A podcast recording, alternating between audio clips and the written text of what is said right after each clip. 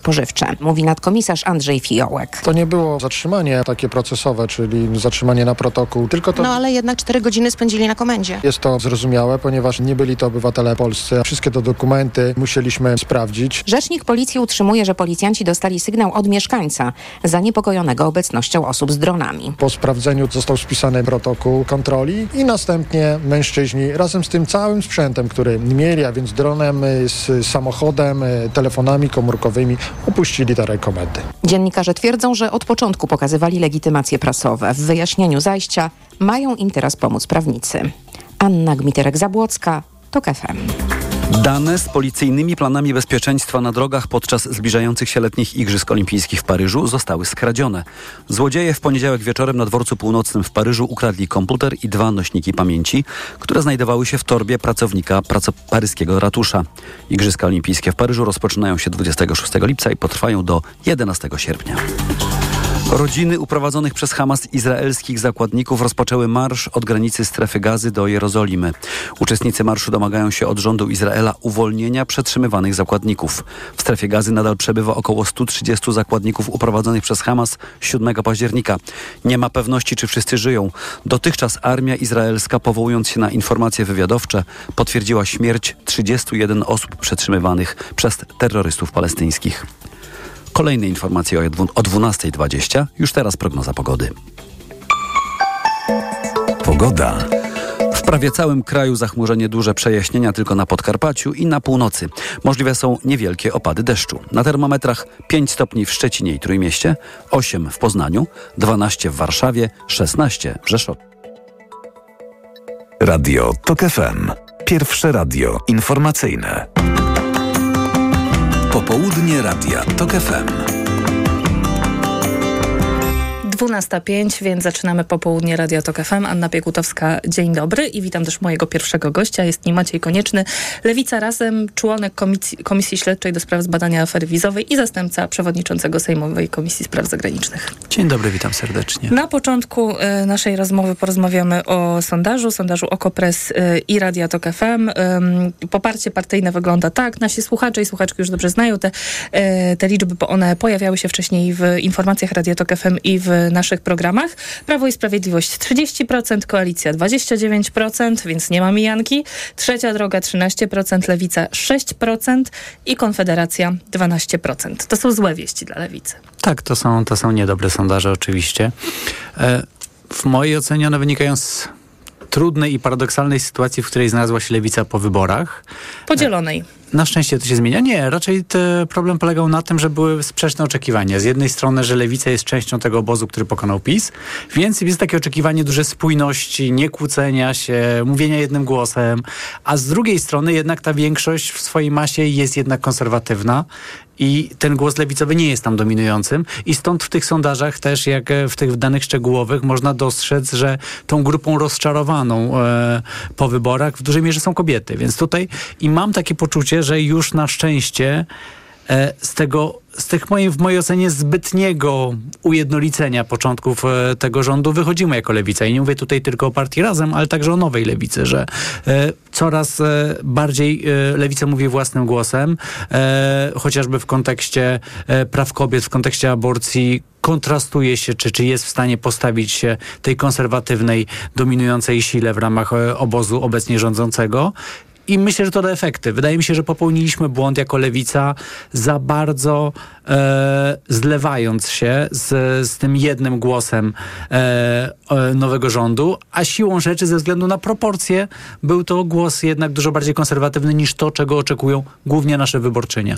E, dzisiaj kobiety deklarują udział w wyborach zdecydowanie rzadziej niż to, była, e, niż to było, jeśli chodzi o frekwencję w wyborach e, z października, bo to jest 47%, a mężczyźni aż 56%, więc widać to rozczarowanie kobiet rządem i też lewicą, która najbardziej niosła te postulaty prokobiece na swoich sztandarach, e, a może to jest właśnie kwestia tego, że aborcja, e, słabe wyniki lewicy, e, jest kwestia tego, że aborcja dalej nie jest załatwiona, liberalizacja prawa aborcyjnego nadal nie jest załatwiona, no i tego, że jednak połowa lewicy nie weszła do rządu. Ja myślę, że to pierwsze. No jeżeli spojrzymy nawet na, na to, kiedy Prawo i Sprawiedliwość raz w najnowszej historii miało niższe poparcie niż teraz, to było po wyroku dotyczącym aborcji. Te oczekiwania kobiet głosujących na, na zmianę dotyczyły także tego. I teraz jeżeli w ramach tej koalicji rządowej e, nie przechodzi nawet e, ustawa ratunkowa dekryminalizująca pomocnictwo e, w przerywaniu Niech ciąży. pan nie mówi ustawa ratunkowa, bo ktoś pomyśli, że chodzi o ustawę trzeciej drogi, która się nazywa tak samo. Chodzi o to, żeby, żeby nikt nie był karany e, w Polsce za pomocnictwo aborcji. To także pozwoli w szpitalach lekarzom nie bać się tak naprawdę udzielać e, właściwej pomocy medycznej kobietom e, w ciąży, tak? I to, to, to, to, jest istotny problem. E, tego oczekują kobiety. I raz jeszcze myślę, że na tym etapie już... E, Lewica mówi silnym głosem, no chociażby to, co powiedziała ministra Kotula, że ona jest gotowa zapłacić stołkiem za te postulaty, to już pokazuje, że, e, że, że naj- mówiąc tak obrazowo, przestaliśmy się bać mówić własnym głosem, tak? I mam takie przekonanie i nadzieję, że, że w kolejnych sondażach się to odbije. Raz jeszcze wydaje mi się, że na pierwszym etapie za bardzo się zlaliśmy z konserwatywną większością tego rządu. E, Teraz mówimy własnym głosem, ale nie tylko w tej kwestii, także w kwestii mieszkań, w kwestii e, preferencji dla banków. Tutaj nie boimy się mówić własnym głosem e, i negocjować tych naszych postulatów. Słyszę dużo nadziei w pana głosie, ale jak patrzę na te 12% dla Konfederacji, to y, ja na przykład jestem dużo mniej optymistyczna. Jak pan w ogóle rozumie ten wynik? To jest są 52 miejsca w Sejmie, gdyby teraz były wybory. Dwie rzeczy. Na szczęście tak też wyglądało przed wyborami, więc to trochę jest taki głos protestu, w którym ludzie mówią, a pokażemy tutaj e, wrogi gest e, tym siłom dominującym w polityce, ale przed wyborami okazuje się, że sami się zastanowili i jednak zagłosowali w mniejszej A nie liczbie. ma pan poczucia, że to mo- może być po prostu odpływ z Prawa i Sprawiedliwości? Ja mam poczucie, że to jest odpływ od duopolu. Bo to, to ja, nie, ja nie mam takiego przekonania, że to jest odpływ od Prawa i Sprawiedliwości. Ja mam poczucie, że e, ta, zresztą pokazują to też te, te, ten sondaż, że e, ta dominacja dwóch największych partii słabnie, co w mojej ocenie jest co do zasady dobre dla polskiej demokracji. Niestety zyskuje na tym w tym momencie głównie Konfederacja, co jest oczywiście fatalne dla polskiej demokracji, ale tym bardziej nie warto bronić na siłę takiego dwupartyjnego systemu, bo jeżeli nie będzie silnych, prodemokratycznych alternatyw, to pojawią się takie w stylu Bosaka i Brauna, więc wydaje mi się, że to jest kontra wobec duopolu eee, i tym bardziej raz jeszcze, i to jest mój postulat do własnego środowiska, potrzebujemy wyrazistej lewicy, która będzie alternatywa dla tego wielkiego starcia dwóch prawicowych sił, e, czy to bardziej prawicowej w postaci PiSu, czy bardziej liberalno-prawicowej w postaci Koalicji Obywatelskiej i Trzeciej Drogi. No niestety na razie skrajna prawica wygrywa tę konkurencję. Komisja do spraw afery wizowej. e, Pan jest e, tam członkiem. E, Jesteśmy po dwóch dniach przesłuchań. E, Piotr Wawrzyk właściwie odmówił składania zeznań. Edgar Kobus za to mówił szeroko o procedurze przyznawania wiz za pieniądze. Wczoraj też doszło do przesłuchania konsulów, byłych konsulów. Kolejne posiedzenie będzie za tydzień, dobrze mówię? Za tydzień? Będzie 5 marca. Czego nowego się dowiedzieliśmy przez te dwa dni? Jak w ogóle to popchnęło śledztwo do przodu, całą sprawę, biorąc pod uwagę właśnie, że toczy się równolegle prokuratorskie śledztwo? Bo ja mam wrażenie trochę, że e, no, było dużo różnych ciekawostek, ale co do tak, typu, że jakiś pan choreograf nie potrafił tańczyć, albo że pan Kobos był niemiły dla konsuli, ale gdzie jest ta merytory- merytoryka i najważniejsze rzeczy z e, tych dwóch dni przesłuchań? Komisja śledcza ma cele nie tylko śledcze, ale także polityczne. Tym się różni od prokuratury i z tymi drugimi wiąże pewne nadzieje, e, bo nie tylko udało nam się opisać sam charakter tego procedoru korupcyjnego, który polegał na tym, że e, Edgar Kobos zarabiał na tym, że załatwiał wizy poprzez wywieranie presji za pomocą Ministerstwa Spraw Zagranicznych. To, jest, to było ładnie pokazane, opowiedzieli to konsulowie, jak ta presja była wywierana, jak w momencie, w którym nie ulegli tej presji, zmierzyli się z niezapowiedzianą kontrolą z ministerstwa zupełnie e, z pominięciem właściwego departamentu, czyli było wyraźnie pokazane, że była presja, były jakieś możliwe sankcje i było wymuszanie te, te, te, tego przyspieszonego załatwiania konkretnych wiz, na których e, zarabiał Edgar, e, Edgar Kobos. I, i to jest te, ten aspekt afery korupcyjnej. Ale jest druga część, która bardzo silnie, mam wrażenie, wy, wybrzmiała w, w tych zeznaniach. To jest coś, co konsulowie nazwali zgodnie aferą migracyjną, czyli tym, że brak polityki migracyjnej w Polsce powoduje licznymi pato, pa- patologiami i powoduje takie, i to jest dla odmiany słowa, to są dla odmiany słowa biegłego, szklarniowe warunki dla rozwijania e, procesów Ale korupcyjnych. co ma wspólnego afera ewidentnie korupcyjna z polityką migracyjną w Polsce? to, że jeżeli nie mamy e, wydolnego systemu, to jest przestrzeń dla korupcji. W tym momencie mamy sytuację taką, że urzędy wojewódzkie właściwie wydają zezwolenia na pracę wszystkim, którzy po nie się zgłoszą i nie mają specjalnie narzędzi weryfikacji albo możliwości fizycznej weryfikacji. Co oznacza, że mamy setki tysięcy wydanych zezwoleń na pracę i niewydolne konsulaty, które teoretycznie powinny je wszystko przerobić i wydać bądź nie wydać wizę. I ta ogromna presja powoduje, że przede wszystkim e, wszyscy, którzy chcą realnie jakoś na czas na przykład zdobyć pracowników, e, mają dużą pokusę, żeby spróbować ten proces przyspieszyć. E, a po drugie, i to jest istotny także element, ta skala powoduje, że Polska stała się taki, taką e, nie tyle miejscem, do którego przyjeżdża się koniecznie pracować, ale wizy do Polski stały się, tak jak w przypadku tych e, filmowców z Bollywoodu, po prostu sposobem dostania mhm. się na zachód. I były także, i to jest kolejny istotny wątek tej afery, to jest wątek ten e, prawny. To znaczy po tym, jak trochę wywalił się ten, e, te, ten system pośrednictwa oparty o jednego e, zaradnego młodego człowieka z, z, z, z, z Kielc, e, pojawiła się taka presja na zmianę prawa, które przerzuciłyby tą odpowiedzialność za wydawanie wiz z konsulów na ministerstwo, czy to poprzez Centrum Decyzji Wizowej w Łodzi, czy poprzez to, tą zmianę prawa, które działo się poprzez ustawę e, covidową. I tutaj raz jeszcze widzimy taką presję na poluzowanie procedur, które już teraz nie działają zgodnie z planem. I to wszystko to jest afera migracyjna. To jest urządzenie wielkiego komercyjnego systemu legalizacji pobytu w strefie Schengen, czy możliwości po prostu zdobycia wizy, którą można pojechać do Meksyku pod pretekstem sprowadzania pracowników Czyli do Polski. Czyli uszczelniajmy system, nie wpuszczajmy ludzi, tak Uwiarygadniajmy. Nie, nie, nie, wręcz przeciwnie. Jeżeli Polska potrzebuje pracowników, ale jeżeli Polska potrzebuje pracowników, to powinniśmy chyba sprawdzać, czy ci pracownicy przyjeżdżają do Polski i tutaj pracują. Ja bym chciał, żeby system, który ma działać tak, że zapraszamy jakieś e, osoby do tego, żeby przyjeżdżały, żyły i pracowały w Polsce, czy studiowały w Polsce, to żeby one przyjeżdżały do Polski, pracowały tutaj i studiowały. A nie, że mamy fikcyjny system, w którym wydajemy wizy studenckie osobom, które nie zamierzają studiować w Polsce i wydajemy wizy pracownicze ludziom, którzy nie zamierzają w Polsce pracować. W żadnym wypadku nie chodzi tutaj o to, żeby zamknąć się na migrację, bo to nie jest mój głos i też jestem po to w tej komisji, żeby nie dać się temu straszeniu migracją. E, na szczęście to wygląda trochę lepiej niż się spodziewałem w tej komisji. Nie dać się tym rasistowskim narracjom. Może ale jeszcze żeby nie było tych najciekawszych działał. przesłuchań. Być może. Ja chcę po prostu, żeby system realnie działał, bo jeżeli on nie działa, to z jednej strony mamy korupcję, a z drugiej strony właśnie, mamy właśnie przestrzeń do tych populistycznych głosów, na których między innymi rośnie Konfederacja. To jakie są dalsze plany, jakie przesłuchania? Jarosław Kaczyński, podobno ma się u państwa stawić też Tobiasz Bocheński? Z Tobiaszem Bochańskim to, e, to jeszcze e, nie wiadomo. Na razie chcemy jeszcze ten wątek konsularny kontynuować.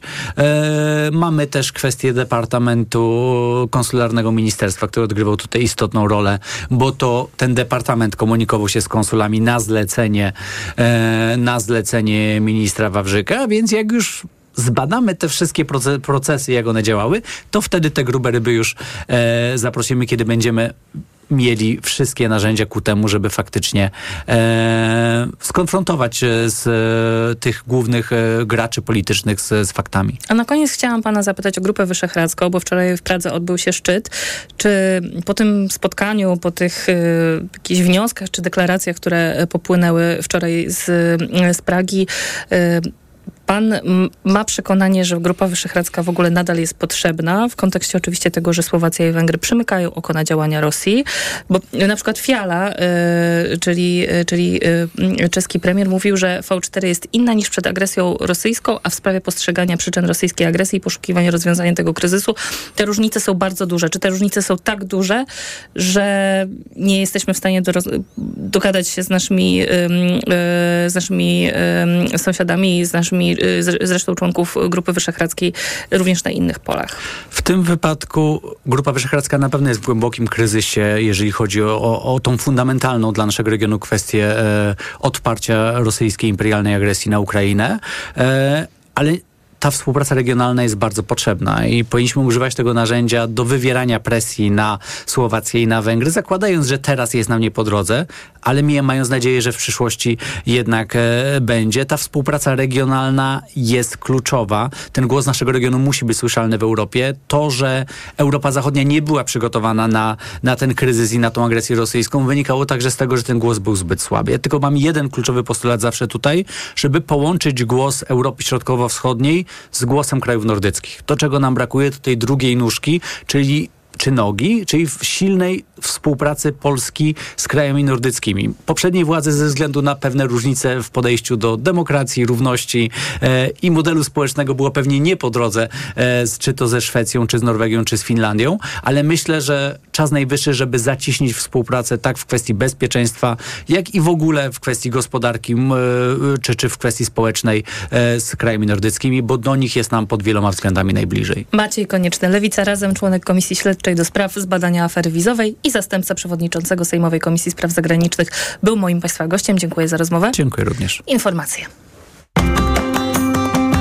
Popołudnie Radia TOK FM.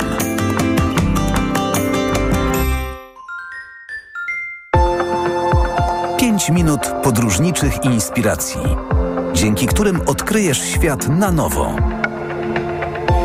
Przewodnik TOK FM w podróży. Od poniedziałku do piątku po 16.55. Zaprasza Piotr Balasz.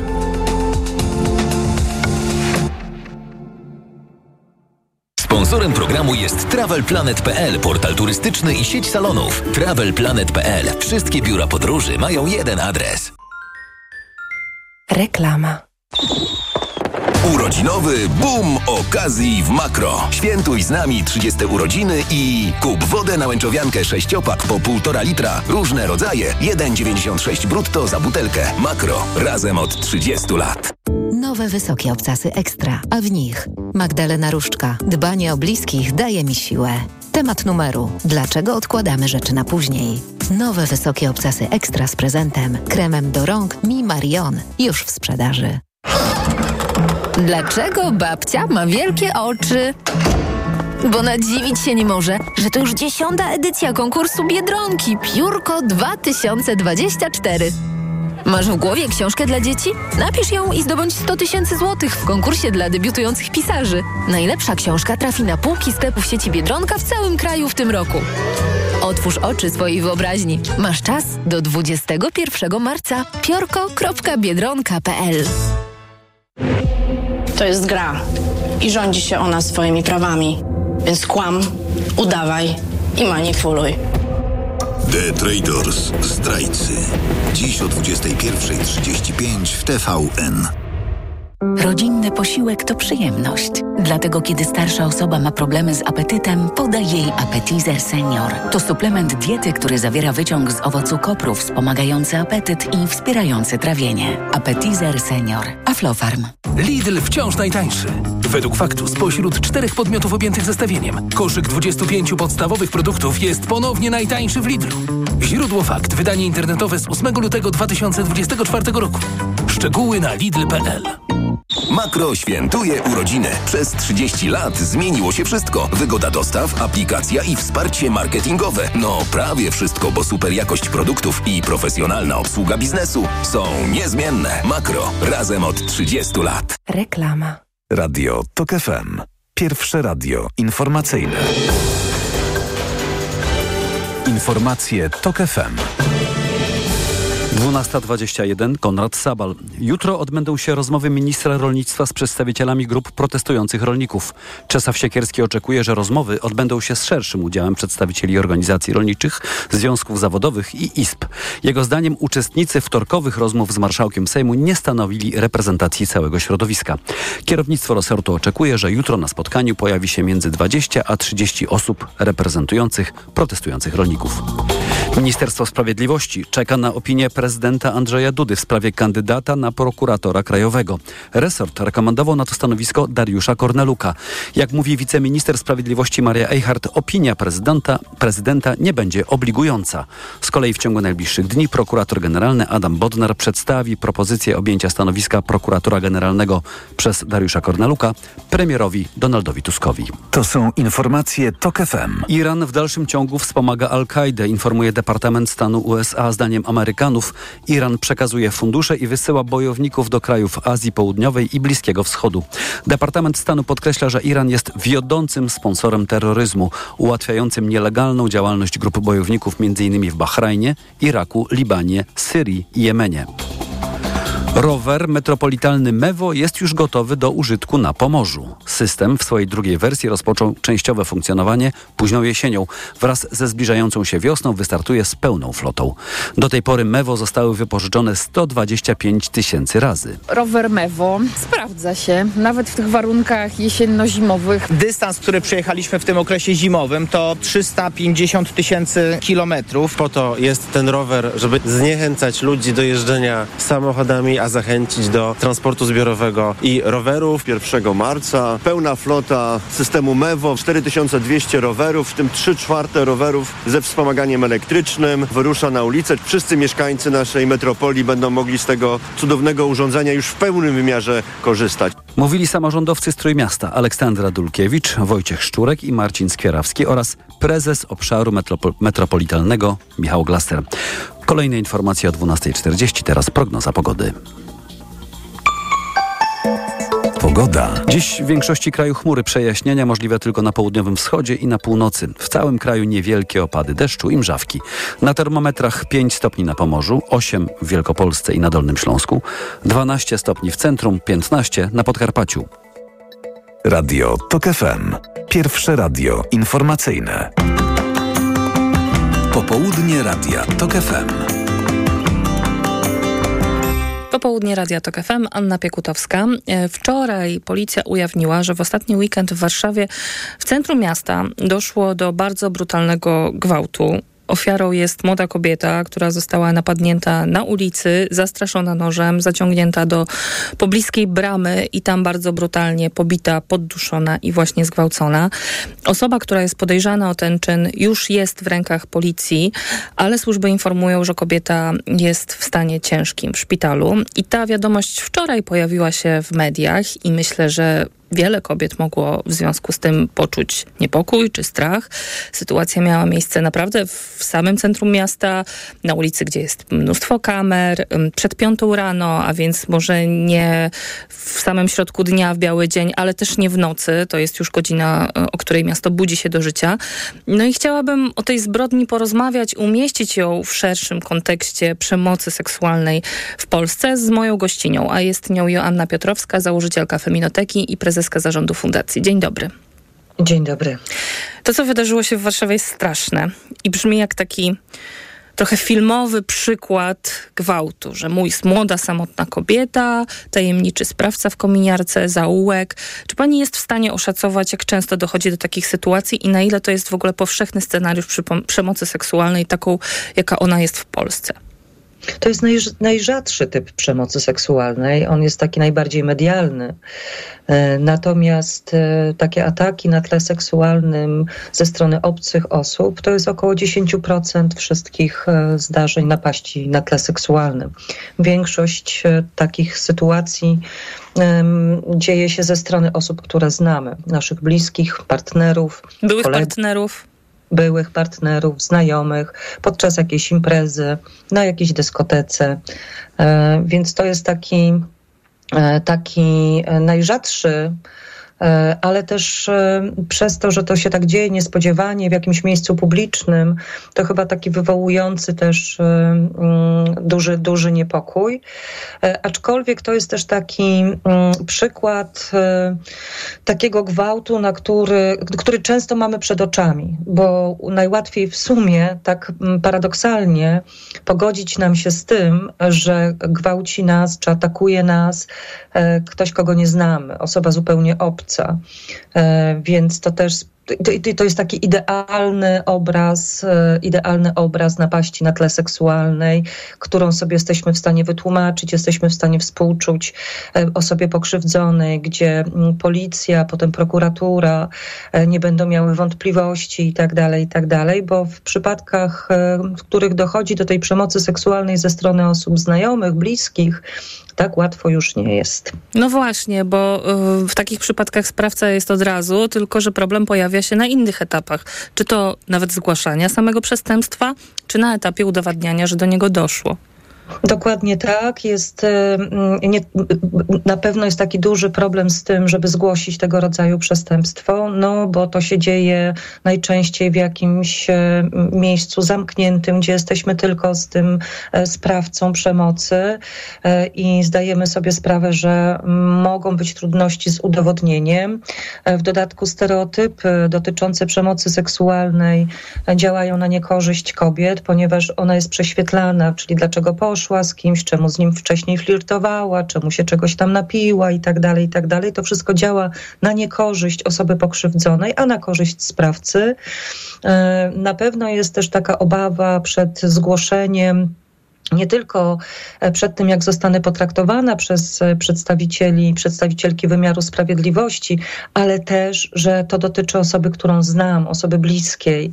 E, I to jest bardzo trudne też do przełamania w sobie, żeby, żeby zgłosić informację o tym, że ktoś bliski zrobił mi krzywdę. To jest w ogóle problem, jeśli chodzi o przemoc domową, przemoc w relacjach intymnych. Mhm. A czy pani, z pani doświadczenia, jako osoby, która nieustannie ma kontakt z ofiarami przemocy seksualnej, czy my dalej mamy do czynienia z takimi historiami, że kobieta przychodzi właśnie zgłosić przestępstwo, czy zeznawać na policję, a tam padają uwagi o za krótkich spódniczkach, albo próby podważania e, tego, co się stało? Czy gwałt nadal jest obwarowany tymi wszystkimi stereotypami, które każą no, podważać bezwzględną winę sprawcy, a nie ofiary? Niestety tak. Niestety tak, to jest powszechne. To się dzieje non-stop, na każdym poziomie. Od takiego poziomu pierwszego, kiedy osoba gdzieś to zgłasza do jakichś służb, a potem przez wymiar sprawiedliwości. Potem, jak patrzymy na wyroki, które zapadają w przypadku gwałtów, to też uzasadnienia tych wyroków są pełne um, stereotypów. Są one powielane też przez przedstawicieli wymiaru sprawiedliwości. E, więc to na każdym etapie się dzieje. Um, I E, Um. I niestety ten poziom akceptacji dla mitów na temat przemocy seksualnej, przynajmniej z naszej perspektywy pracy Fundacji Feminoteka z osobami, które doświadczyły przemocy seksualnej, nie zmienia się w Polsce za bardzo. E, tutaj w sytuacji dotyczącej pani z Warszawy wątpliwości żadnych nie ma, je, je, jeśli chodzi o to, o czym, o czym mówimy. Ale na przykład widziałam dywagację, czy kobieta była pod wpływem alkoholu może, czy nie. Więc te schematy opowiadania o takich rzeczach, chociażby w mediach, trzymają mhm. się dobrze, bo no, niektóre po prostu media uznają zasad, za zasadne podanie e, takiej informacji, że uznanie, że ta, ta informacja jest istotna. Nie wiem, ja się doszukuję tutaj może za bardzo złej woli, jak pani to ocenia? E, może nie złej woli, tylko braku świadomości i braku wiedzy na temat przestępstw seksualnych, tego jak reagują osoby, które e, zostały zaatakowane, dlaczego ktoś doświadcza przemocy seksualnej i braku świadomości takie, na temat takiego e, psychologicznego mm, mechanizmu, który nam towarzyszy, jeżeli dochodzi do tego typu brutalnych zajść, że trudno nam jest uwierzyć, to jest psychologiczny po prostu mechanizm, trudno nam jest uwierzyć, że zwykła, przeciętna osoba, która nic nie zrobiła, teraz mówię w cudzysłowie, mhm. nie prowokuje, nie była pod wpływem alkoholu i tak dalej, że mogą ją spotkać coś takiego. Po prostu staramy się uporządkować sobie ten świat i wierzyć w to, że złe, złe, złe rzeczy nie spotykają dobrych ludzi, że te złe rzeczy jednak spotykają ludzi, którzy no coś zrobili takiego i sobie też znowu w cudzysłowie na to zasłużyli. E, I to jest bardzo silny mechanizm, e, ale jeżeli go znamy, jeżeli mamy świadomość tego mechanizmu, no to wtedy możemy nad nim nim panować i go po prostu nie uruchamiać. Albo jeżeli on nam się uruchomi, to po prostu powstrzymać się od komentarzy, bo wiemy, że to jest taki mechanizm. Bo to jest faktycznie trudno uwierzyć i nawet kobiety, jak myśmy robiły badania kilka lat temu yy, i robiłyśmy na temat przemocy seksualnej, robiłyśmy wywiady z kobietami, które doświadczyły gwałtu, to one same miały w głowie ten stereotyp i powtarzały, że że mimo, że one wiedzą, że to nie jest jej i nie była ich wina, że ja wiem, że, że nic takiego nie zrobiłam, to jednak gdzieś tam w tyle głowy było, a, a może nie powinnam była się z nim umawiać, a może nie powinnam była z nim tak rozmawiać, może powinnam tę rozmowę inaczej poprowadzić. Czyli jest też ten mechanizm wdrukowany w pewien sposób też w, w nasze głowy, w, w głowy osób, które są najbardziej narażone na przemoc seksualną i najczęściej ją doświad jej doświadczają, czyli kobiety. A jak pani mówi o tych osobach, które są bardziej narażone na przemoc seksualną, to zastanawiam mnie, czy znaczenie ma tutaj y, to, że według informacji medialnych kobieta, która y, padła ofiarą y, tego przestępstwa, jest migrantką. I bo feminoteka jakby wspiera kobiety, które potrzebują mhm. pomocy po przemocy seksualnej, uchodźczynie. Mhm. I ma Pani doświadczenie z tego typu sytuacjami? Mhm. No tutaj się nakłada, mówimy wtedy o takiej dyskryminacji krzyżowej czy dyskryminacji podwójnej, bo nie dość, że przemocy doświadcza kobieta i to już jest ten obszar dyskryminacji. Kobiety są bardziej narażone na ten rodzaj przemocy, na każdy rodzaj przemocy, ale w szczególności przemoc seksualną.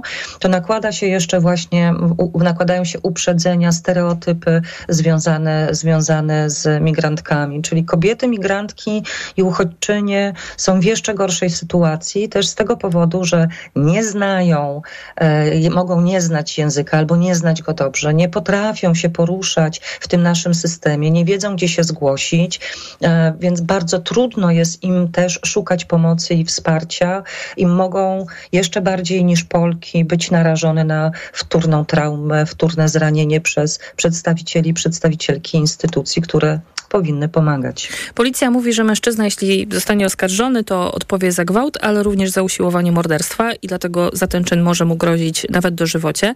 Ale kary za sam gwałt również zostały zaostrzone ostatnio przez poprzednią władzę. Czy to zaostrzanie kar działa odstraszająco na sprawców przemocy seksualnej i czy to jest w ogóle dobra droga do chronienia ofiar? E, to nie wysokość kary odstrasza, tylko nieuchronność kary. I my to powtarzamy, że podnoszenie kar za przemoc, za gwałt e, nie będzie nigdy skuteczne, jeżeli ta kara nie będzie wykonywała. W Polsce mamy taką sytuację, że mamy jeden z najniższych wskaźników kar za gwałt, nawet ze szczególnym okrucieństwem w Unii Europejskiej. E, w związku z tym można śmiało powiedzieć, że nawet kara tam, nie wiem, 10 czy 15 lat za gwałt, która jest zapisana w naszych kodeksach karnych, nie odstrasza, dlatego że gwałciciele nie trafiają za kratki. Bardzo dziękuję za rozmowę. Joanna Piotrowska, założycielka Feminoteki i prezeska zarządu fundacji była moją Państwa gościnią. Dziękuję bardzo. Zapraszam Państwa na informacje. Popołudnie Radia TOK FM.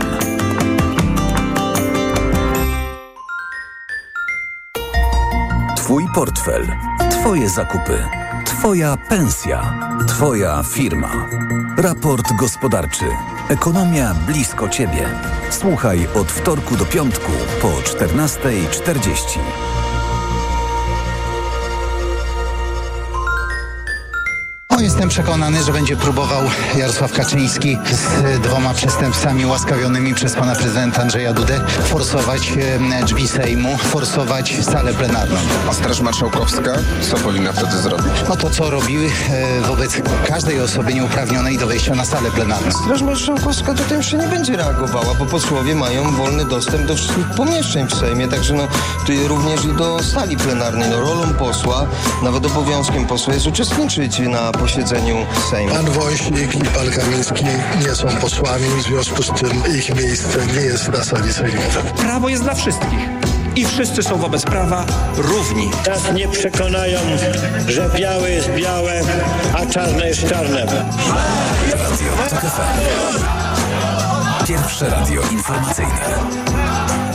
Posłuchaj, aby zrozumieć. Reklama. Hej! A wiesz, że w IKEA płacisz teraz mniej i masz jeszcze więcej radości z urządzania domu? Obniżyliśmy ceny tysięcy produktów. Szukaj ich w sklepach i na IKEA.pl. IKEA. Lepiej pomyślany dom. Stosujesz kapsułki wspierające zdrowie wątroby? Wypróbuj nowość. Esselif 600. Dlaczego? Esselif 600 to aż 600 mg fosfolipidum essentiale z nasion soi w jednej kapsułce. Suplement diety Esselif 600 stosuje się raz dziennie, a opakowanie wystarcza na 50 dni. Zapytaj w aptece o Esselif 600, a cena na pewno pozytywnie Cię zaskoczy. Esselif 600. Zdrowie dla wątroby, korzyść dla portfela. Wyciąg z ostryżu długiego wspiera zachowanie zdrowej wątroby. Aflofarm. Nazywał się Tadeusz Bukowy. w wieku 16 lat w maju 1945 roku został aresztowany, skazany przez Sowietów na pobyt w kolonii karnej, a następnie pracę w łagrach. Wrócił do Polski po ponad 10 latach. Jego historię znamy. Czy poznamy kolejne, zależy od ciebie. Przekaż 1,5% podatku Fundacji Ośrodka Karta i uratuj historię, aby nie zniknęła wraz z człowiekiem. KRS znajdziesz na stronie karta.org.pl. Mówił Antoni Dudek. Porozmawiajmy o zakładaniu firmy. Jest z nami Radek Kotarski. Panie Radku, czy zna pan słowo infakt? Oczywiście, że tak. Co to znaczy infaktować? Infaktować to prowadzić firmę bez zmartwień. A ten, kto infaktuje? Ten wystawia faktury w aplikacji Infakt, a księgowy z Infaktu dba o porządek w księgowości. Infaktycznie. Załóż firmę bezpłatnie i bez wychodzenia z domu na infakt.pl. Infakt. Zakładanie firm i księgowość w jednym miejscu. Polecamy. Wodek Markowicz i Radek Kotarski. Trzeba rozmawiać z ludźmi o tym, czym naprawdę są praworządność i demokracja. Aby młode pokolenia były odporne na manipulację i dezinformację. Zależy mi, aby Polki i Polacy czuli, że Unia Europejska to jest nasz dom. Aby obywatele mieli coś do powiedzenia. Wspieraj aktywistki i aktywistów. Przekaż 1,5% podatku na Fundusz Obywatelski imienia Henryka Wójca. Ewa Łętowska. Adam Strzembusz. Hanna Machińska. Adam Zieliński, Łona. Gratisowe środy z aplikacją Lidl Plus. Sok pomarańczowy Solewita 1 litr z kuponem Lidl Plus 1 plus 1 gratis. Tak, 1 plus 1 gratis. A dodatkowo karkówka wieprzowa cena przed obniżką 21,99 za kilogram. A teraz z kuponem Lidl Plus 50% taniej. Tylko 10,99 za kilogram. Tak, tylko 10,99 za kilogram. Szczegóły promocji w aplikacji Lidl Plus. Dlatego w środy zakupy robię w Lidlu. Czekasz na wiosnę. A my zabieramy Cię w marcu do Krainy Lodu. Kraina Lodu. Music Show on Ice. Łyżwiarze, akrobaci